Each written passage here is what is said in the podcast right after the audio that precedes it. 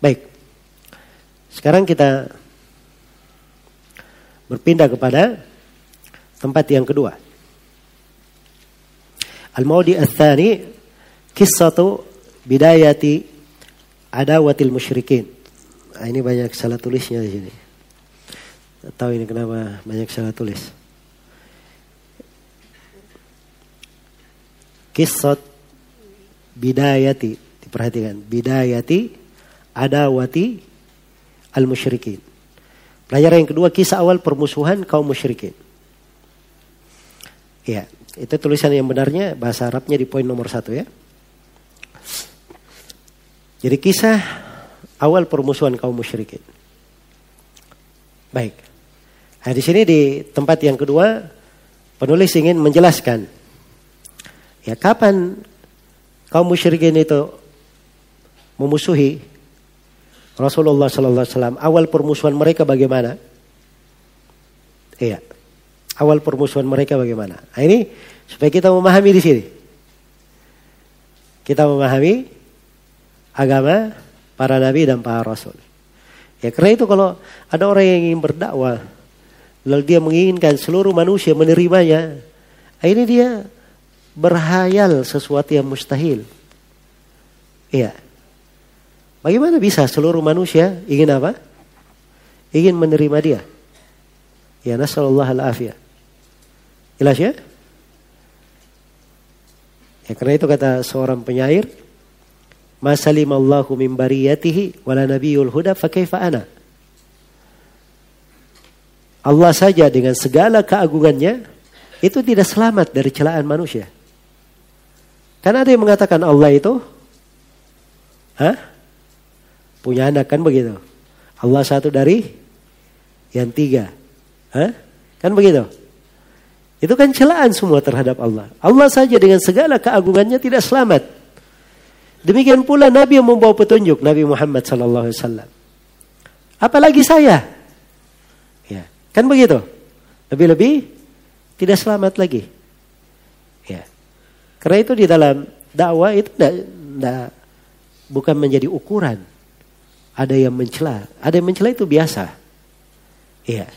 Ada mencela itu biasa. Karena itu Imam Malik rahimahullahu taala suatu hari beliau bertanya kepada uh, murid-muridnya.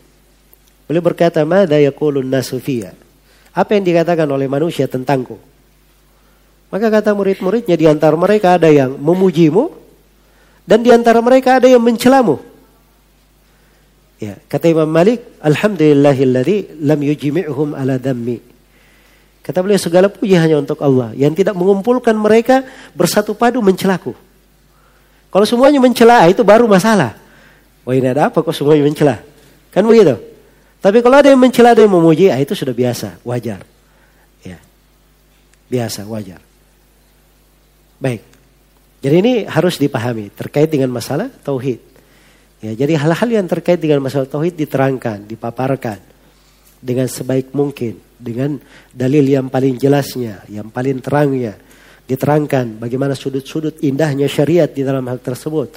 Diajak mereka ya, dipakai bahasa yang menggugah hati untuk menerima tauhid itu. Disampaikan dengan hal yang paling bagusnya.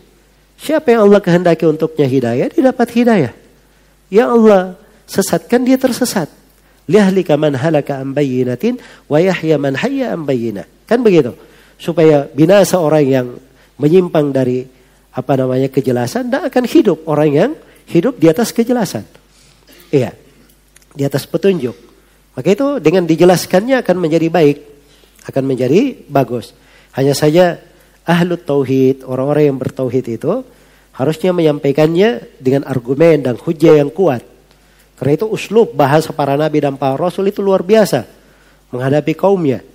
Iya dengan cara mereka mengkhitab dengan akhlaknya yang mulia ya dengan apa namanya bantahannya yang sangat kuat dan mereka menyampaikan dengan bahasa yang betul-betul memberikan khitab kepada akal dan hati mereka.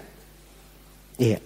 Memberikan khitab kepada akal dan hati mereka. Tapi yang mereka yang telah ditetapkan oleh oleh Allah tidak mendapat hidayah, nah inilah umat-umat dari para rasul yang kafir terhadap siapa? Para rasul mereka. Ya, tetapi yang menjawab dari dakwah para nabi dan para rasul manusia yang Allah Subhanahu wa taala hidupkan mereka diberi cahaya, diberi hati untuk menerima dakwah para nabi dan para rasul. Ya dan kita bersyukur kepada Allah Subhanahu wa taala, memuji Allah Subhanahu wa taala atas hidayah kita mengenal Islam, kemudian bisa mempelajari tauhid, bisa mengenal dari bahaya kesyirikan dan bisa mengenal jalan ke sana. Ini semuanya nikmat yang sangat besar. Baik. Di sini pelajaran yang kedua, kisah awal permusuhan kaum musyrikin. Kata penulis rahimahullah al-maudi al-thani. Tempat yang kedua. Tempat yang kedua dari pelajaran tauhid. Annahu sallallahu alaihi wasallam lamma qama yundiruhum anis syirki ويأمرهم بضده وهو التوحيد.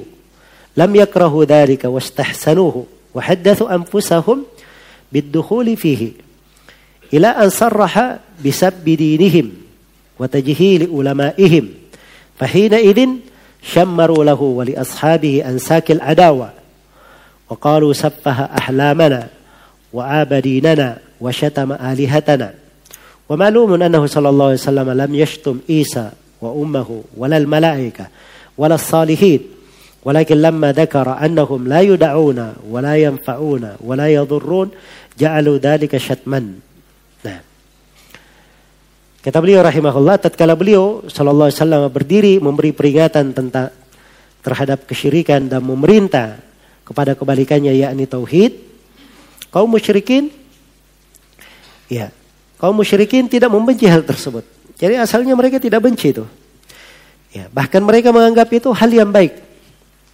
Dan mereka membisikkan diri, diri mereka untuk memeluk Islam. Ini di awal. Karena mereka kenal siapa Nabi Sallallahu Alaihi Wasallam. Ya. Sosok manusia yang mereka kenal dari kecilnya. Dan di tengah kaum musyrikin sendiri Nabi digelari sebagai apa? Al-Amin. Orang yang sangat terpercaya. Iya.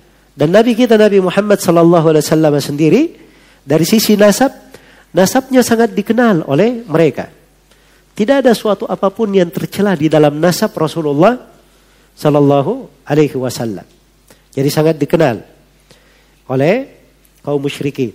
Karena itu tatkala apa namanya uh, Nabi Shallallahu Alaihi Wasallam di awal kali menyampaikan mereka tidak membenci hal tersebut dan menganggap hal itu baik, membisikkan diri mereka untuk membeli Islam. Hingga Rasulullah Sallallahu Alaihi Wasallam menegaskan celaan terhadap agama kaum musyrikin dan menjahilkan ulama-ulama mereka. Nah, pada saat itulah mereka menyingsingkan lengan permusuhan terhadap Nabi Sallallahu Alaihi Wasallam dan para sahabat. Ya, mereka berkata Muhammad ini menganggap bodoh tokoh-tokoh kami telah mencela agama kami dalam telah mencerca sembahan-sembahan kami Padahal dimaklumi bahwa beliau Shallallahu Alaihi tidak mencela Isa, tidak mencela ibunya, tidak pula mencela malaikat dan orang-orang saleh. Ini kan yang diibadahi oleh kaum musyrikin. Di antara mereka ada yang menyembah Nabi Isa dan ibunya, di antara mereka ada yang menyembah malaikat, di antara mereka ada yang menyembah siapa? Orang-orang saleh. Ini sudah berlalu ya? Ya, sudah pernah berlalu di mana? Qaidul Arba dan Hah? Di mana? La ilaha illallah. Iya. Jadi itu sudah diketahui. Ya. Baik. Jadi Nabi tidak mencela itu. Tapi kapan? Kenapa mereka menganggap Nabi mencelanya? Ya. Akan tetapi tatkala beliau menyebutkan bahwa hal-hal hal yang mereka sembah itu tidaklah dimintai doa, tidak juga dapat memberi syafaat, tidak dapat memberi bahaya. Kaum musyrikin menjadikan hal tersebut sebagai celaan. Nah, ini sisi mereka anggap sebagai apa? Celaan. Baik. Jadi ini awal permusuhan kaum musyrikin. Kita tahu apa sebabnya mereka memusuhi. Iya.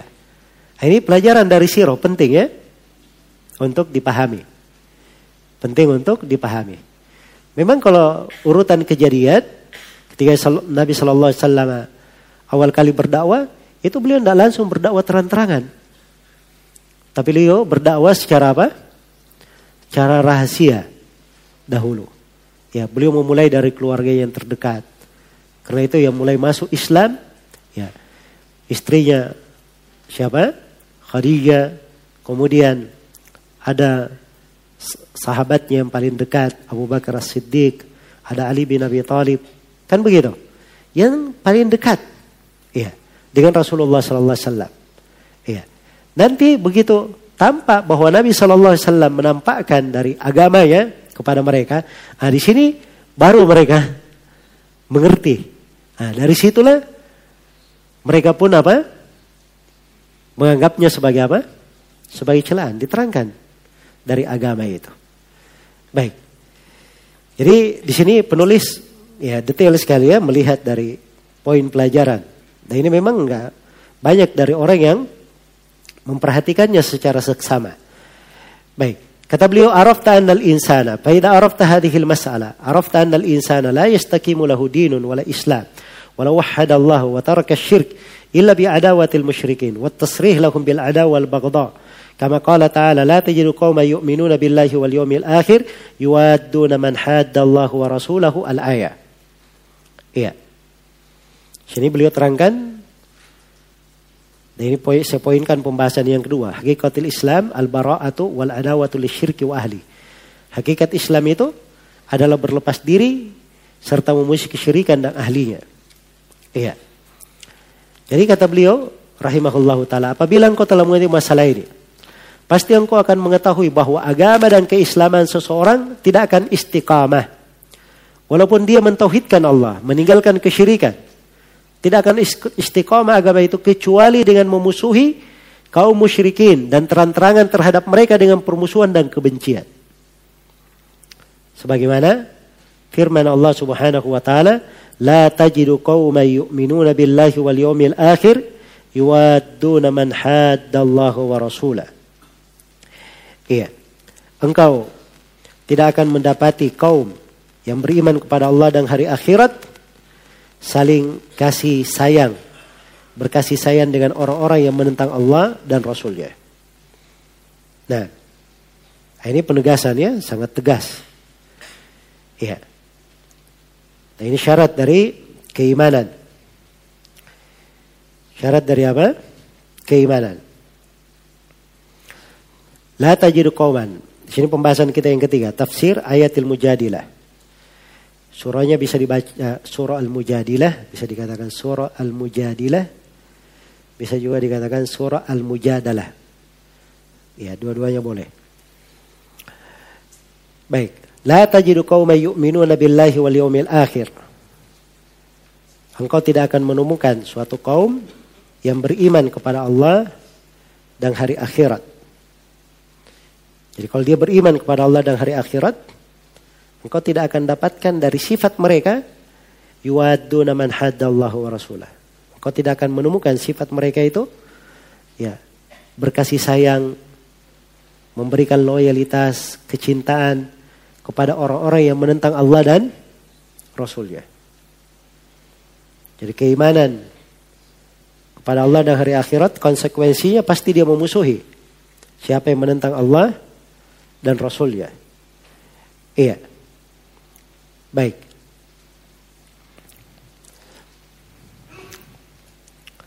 Terkait dengan sebab turunnya ayat, ini ada beberapa hal ya yang disebutkan di sini oleh para ulama ahli tafsir. Ya, tapi mana dari ayat ini kata Al-Baghawi, Allah mengabarkan bahwa keimanan kaum mukminin itu akan menjadi rusak apabila mereka memberikan loyalitas, kecintaan kepada orang-orang kafir. Ya, karena itu siapa yang beriman dia tidak akan memberi loyalitasnya kepada siapa yang kafir, walaupun itu keluarganya. Walaupun kerabatnya yang paling dekat. Walaupun kerabatnya yang paling dekat. Iya. Baik.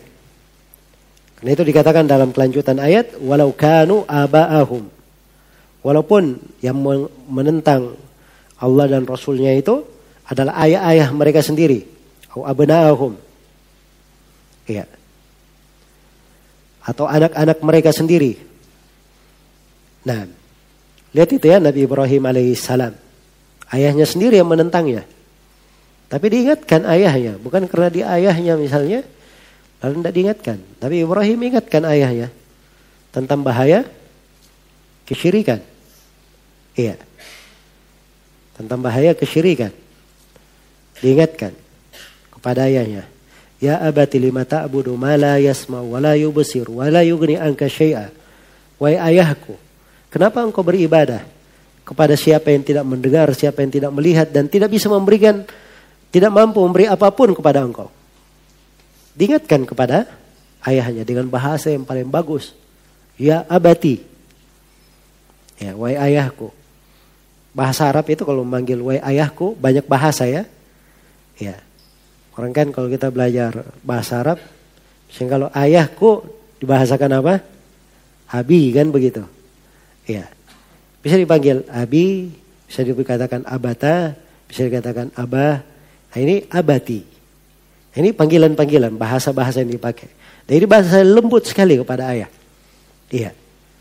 Dan menunjukkan bagaimana Nabi Ibrahim sangat lembut kepada orang tuanya. Dan itu memang ciri anak yang berbakti. Karena itu kalau berbicara tentang sifat berbakti kepada kedua orang tua, itu adalah sifatnya para nabi dan para rasul. Sifatnya para nabi dan para rasul. Memang diberi contoh-contoh dalam Al-Quran bagaimana praktek mereka berbakti kepada orang tuanya. Iya. Jelas ya? Baik. Wahai ayahku, kenapa engkau beribadah kepada siapa yang tidak mendengar, tidak melihat, dan tidak bisa memberi manfaat? Ini kan dihitop langsung dengan akalnya. Ini berhala yang kamu ibadahi, ini kan tidak bisa melihat, tidak bisa mendengar. Ya. Tidak bisa memberi manfaat. Tidak bisa memberi manfaat. Kan begitu? Ya. Nah itu dibuktikan oleh Nabi Ibrahim lebih besar lagi. Ya, ketika mereka ini sudah meninggalkan berhalanya, maka Nabi Ibrahim alaihissalam datang dihancurkan berhala-berhala itu semuanya. Kecuali yang paling besar ya. Iya. Lalu ya alat yang dipakai menghancurkan itu digantung di kepala berhala ini. Ya, begitu datang kaumnya Nabi Ibrahim, Ya mereka berkata siapa yang bikin seperti ini ke berhala-berhala kita. Maka mereka pun mencari-cari siapa yang melakukannya. Dikira-kira lah. Nah, ternyata yang pernah bicara-bicara kepada kita menegur ini itu ada anak Buddha namanya Ibrahim. Jelas ya? Jadi Nabi Ibrahim itu bicara sebelumnya. Menyampaikan tauhid. Ya. Jangan seperti sebagian orang ya. Dia tidak pernah ngomong apa-apa. Wah ini ada kuburan di sana dibangun, pergi dihancurkan. Hah? Ada kesyirikan sana di atas gunung, mumpun tidak ada yang lihat, pergi dia bakar. Ya, tidak pernah dinasihati orang-orang yang melakukannya.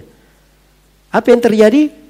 Kuburan yang dihancurkan itu dibangun menjadi lebih megah, lebih bagus lagi. Ya. Yang dibakar itu dibangun menjadi lebih apa? Lebih bagus lagi. Dibuat lagi satpan di situ, pengawasan. Nah. Akhirnya tambah canggih. Nah, ini karena apa? Karena dia tidak menempuh dakwanya para nabi dan para rasul. Harus ada nasihat, menyampaikan. Dan tidak boleh seorang itu merubah kemungkaran, melahirkan apa? Kemungkaran lebih besar. Tidak ada gunanya seperti itu. Iya. Jelas ya? Dia pakai bahasa khitab yang bagus. Karena itu kemarin saya sebutkan ya, Syekh Muhammad bin Abdul Wahab yang pernah mendengar manusia menyuruh di kuburan Zaid ibn al-Khattab, sahabat mereka berkata, ya, ya Zaid, ya Zaid, wahai Zaid, wahai Zaid. Doa kepada Zaidnya. Apa kata beliau? Allahu khairun min Zaid. Allah lebih baik daripada apa? Daripada Zaid. Ini kalimat diterima oleh semua orang. Tidak mungkin yang berdoa ini berkata, tidak Zaid lebih bagus. Tidak mungkin dia berkata seperti itu. Jelas ya? Maka mereka dihitab, diingatkan dengan hal yang menggugah akal dan hati mereka. Itu seperti itu. Baik. Tapi hidayah di tangan Allah Subhanahu wa taala. Ayah Nabi Ibrahim tidak apa? Tidak masuk Islam. Karena itu ya ketika apa namanya dimohonkan ampun untuk ayahnya, maka Allah Subhanahu wa taala melarang hal tersebut. Iya. Dalam Al-Qur'an dikatakan maka lin nabi walladzina amanu ayastaghfiru lil musyrikina walau kanu uli qurba min ba'di ma tabayyana lahum annahum ashabul jahim. Tidaklah pantas bagi seorang nabi dan orang yang beriman memohonkan ampun. Ya untuk kaum musyrikin. Walaupun karib kerabatnya tidak pantas dimohonkan ampun. Setelah tampak jelas bahwa mereka adalah penghuni neraka jahim. Artinya kalau mereka meninggal di atas kesyirikan kekafiran, itu pasti penghuni neraka jahim. Tidak pantas dimohonkan ampun untuk mereka. Nah, maka ini dari penegasan-penegasan yang sangat mendalam di dalam Al-Quranul Karim. Ya, tentang hal tersebut. Baik.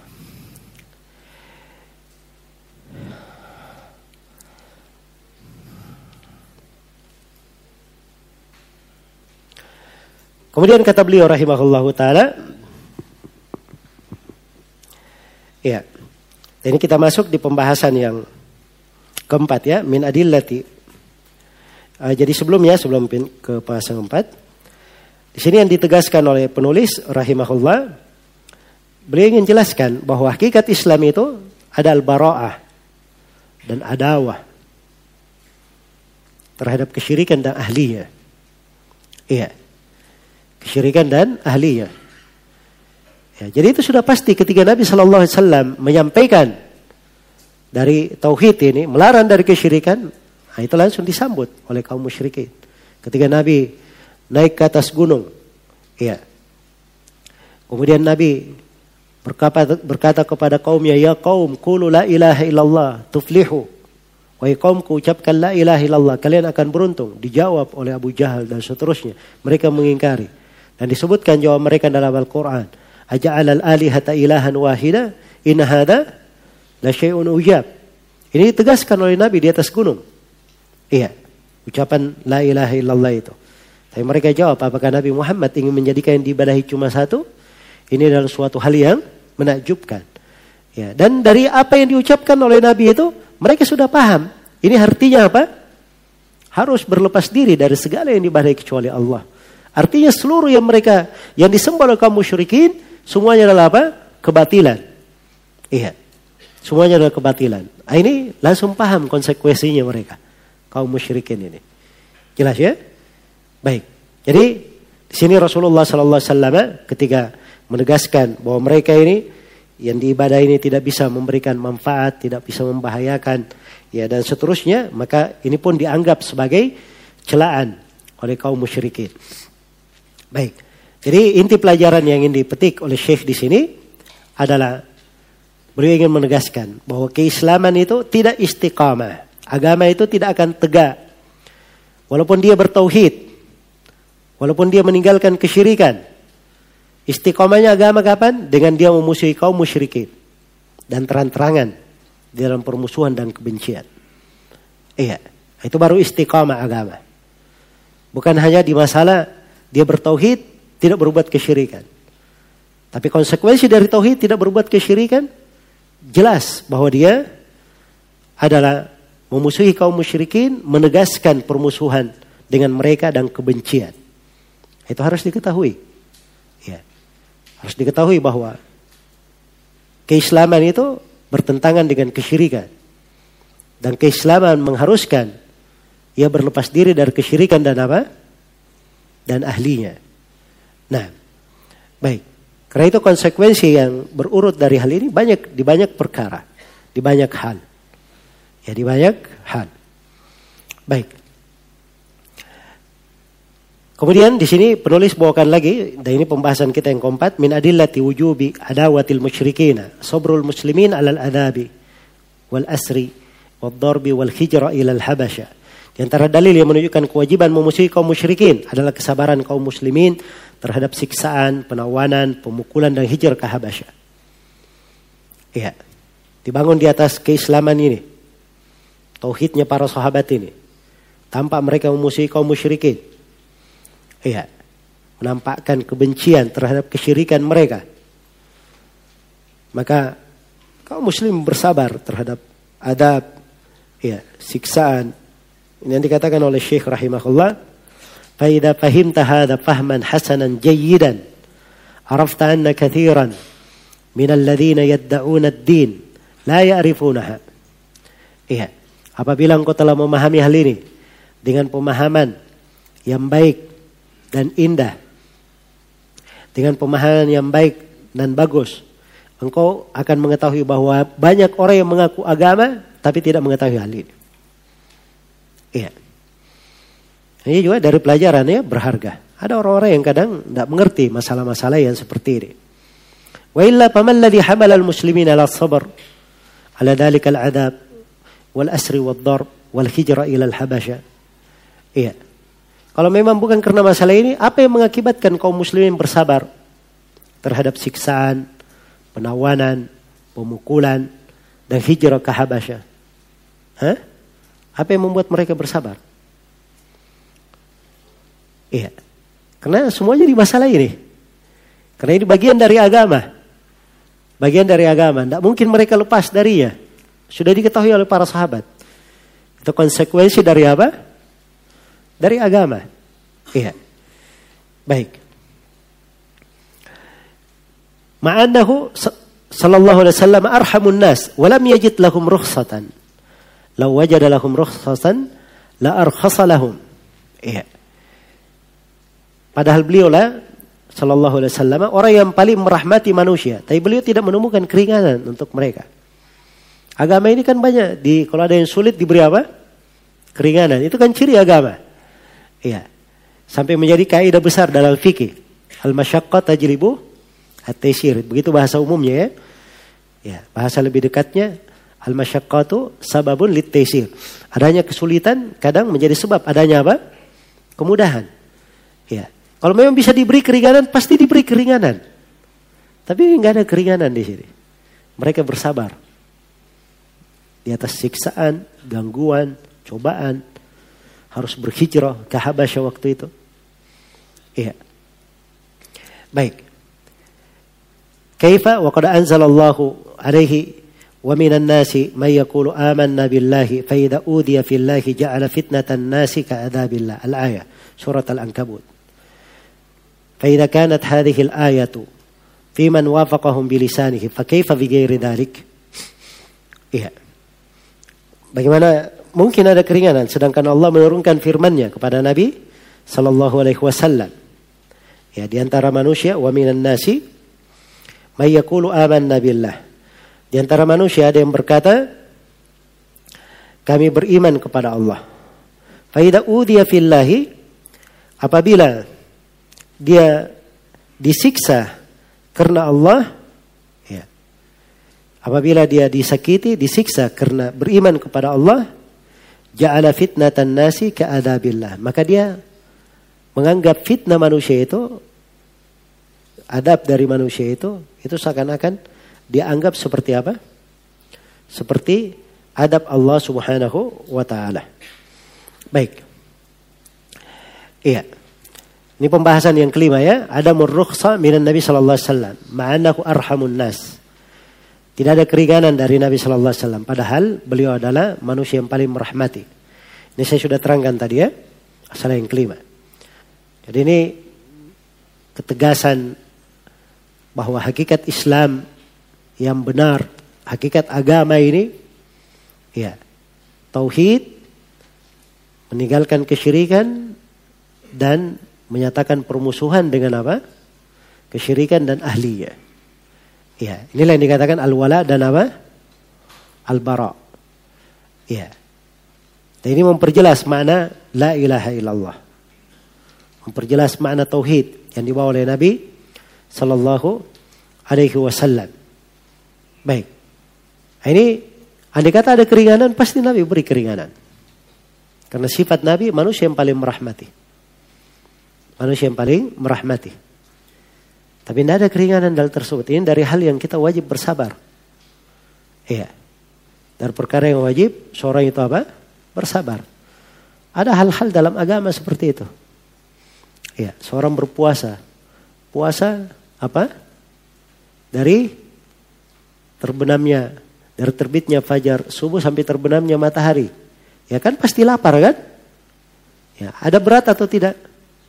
Hah? Berat, tapi itu harus sabar seorang. Di dalamnya itu memang sudah sunnatullah. Orang mau haji misalnya. Haji itu ya hal yang meletihkan, ya. Harus bagus fisiknya. Nah, Ya, persiapannya banyak. Ya. Dan Masya Allah ya, orang-orang yang haji itu kadang saya lihat sebagian dari mereka, ada yang persiapan untuk haji itu sudah berbulan-bulan sebelumnya. Ada yang sudah latihan jalan, ya berkilo-kilo sehingga dia jalan pulang balik pergi. Oh itu untuk jalan bolak-balik pergi melempar.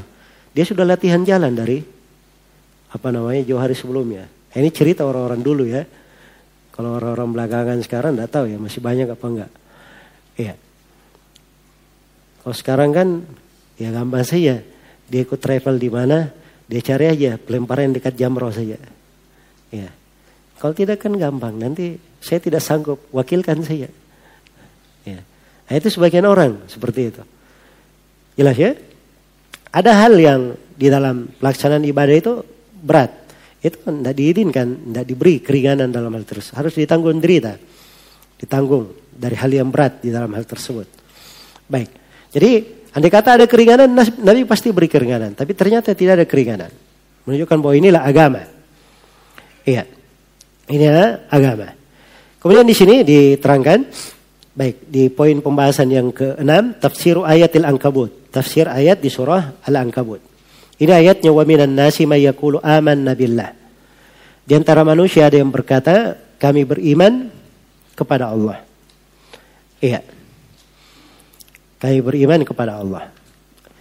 Jadi di antara manusia dan seperti itu. Beriman. Mengucapkan beriman. Faidah udia fillah. Kalau dia diganggu di jalan Allah. Maksudnya tertimpa ujian dan cobaan dari manusia. Akhirnya terfitnah. Ja'ala fitnatan nasi ka'adabillah. Dia jadikan cobaan dan gangguan manusia itu. Itu seakan-akan adab Allah di akhirat. Sama seperti adab dianggap seperti itu. Nah, jelas ya. Ini masuk dalam konteks celaan orang-orang yang seperti ini. Akhirnya ya karena dianggap itu sebagai siksaan, akhirnya dia tidak sabar. Ya, dia taati manusia dalam hal tersebut. Dia ikuti. Dia takut akan hal itu. Ini ujian terhadap apa? Terhadap keimanan. Iya. Dan seorang hendaknya selalu memohon kepada Allah as-sabat. Keteguhan di atas hal tersebut. Ya, keteguhan. Di atas hal tersebut. Karena ketika ujian itu datang, ah, di situ baru dilihat. Bagaimana seorang itu teguh di atas apa? Di atas ujian. Nah, pada saat seorang berbicara itu banyak orang yang bisa berbicara saja. Mendengar, berbicara. Tapi yang terlihat itu ketika ujian. Iya.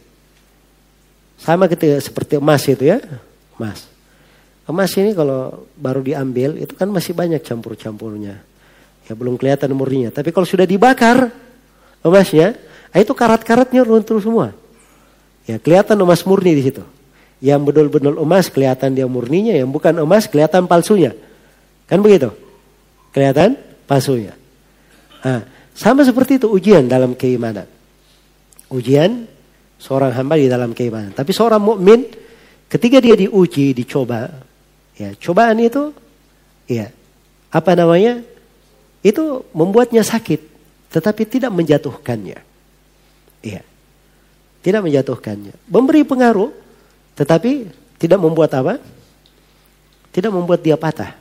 Karena itu dibaratkan oleh Nabi dalam sebuah hadis bagaimana ujian itu seorang mukmin itu seperti pohon. Ya, kalau dihempaskan oleh angin, misalnya dari arah timur, ya dia miring ke barat. Nah, begitu anginnya sudah lewat, dia balik lagi. Nah, beri lagi. Datang lagi angin, ikut lagi arahnya. Balik lagi. Ya. Kalau kafir, ya itu diibaratkan oleh Nabi seperti pohon yang kuat. Dapat angin, nggak goyah dia. Ya. Tapi begitu datang angin lebih besar, patah, tidak balik lagi. Ya. Patah tidak balik lagi. Nah, itu perempuan orang kafir. Tapi seorang mukmin seperti itu. Ujian dan cobaan itu ada, tapi tidak apa? Tidak mematahkannya. Ya, tidak mematahkannya. Bahkan itu sudah menjadi membuat dia semakin apa? Semakin kuat. Iya. Akhirnya karena ya sama dengan orang ya, karena dia sudah terbiasa kena pukul, kena pukul, kena pukul, kena pukul. Akhirnya wah ini sudah biasa. Ini pukulan ke berapa? Satu, dua, tiga. Yang ke seratus ini masih ada seratus lagi apa tidak? Kan begitu, sudah terbiasa dengan pukulan. Nah itu seperti itu seorang mukmin. Baik. Jadi Di sini ditegur di antara manusia ada yang dia beriman kami dia berkata kami beriman kepada Allah. Tapi kalau dapat ujian dia jadikan gangguan manusia itu seperti siksaan Allah. Iya. Wa ja'akum nasrun min rabbika la yaqulunna inna kunna ma'akum. Ya. Tapi kalau datang pertolongan dari Allah, dia balik lagi. Dia berkata, ya, kepada kaum mukminin, maka kami bersama kalian. Ini eh, dari sifat kaum munafikin ya. Ayat ini surah Al-Ankabut ayat Madaniyah yang bercerita tentang beberapa sifat kaum munafikin. Di antara sifat mereka seperti itu, berkata beriman tapi kalau dapat ujian tidak sabar. Akhirnya diikuti kebanyakan manusia. Dan tidak seperti itu keislaman. Keislaman itu keteguhan. Dia teguh di atas petunjuk. Karena itu Nabi SAW diteguhkan. Allah berfirman kepada nabinya walaula an thabbatnaka laqad kitta tarkanu ilaihim syai'an qalila. Andai kata kami tidak meneguhkan engkau ya Nabi Muhammad, maka engkau telah condong kepada mereka mengharap sesuatu yang sedikit. Iya. Baik. Jadi Nabi Shallallahu Alaihi Wasallam diteguhkan dan dikuatkan oleh Allah Subhanahu Wa Taala. Baik ini uh, tempat yang kedua, pelajaran yang kedua dari pelajaran akidah ini mempertegas kepada kita makna la ilaha illallah. Makna tauhid yang dibawa oleh para nabi dan para rasul bahwa la ilaha illallah tauhid yang dibawa oleh para nabi dan para rasul itu pasti menjadikan orang yang meyakininya, mengamalkannya itu pasti menegaskan permusuhan dengan kaum musyrikin dan menampakkan kebencian dan apa namanya penolakan terhadap mereka. Ini yang kelihatan dari pembahasan-pembahasan di dalam pelajaran yang kedua ini.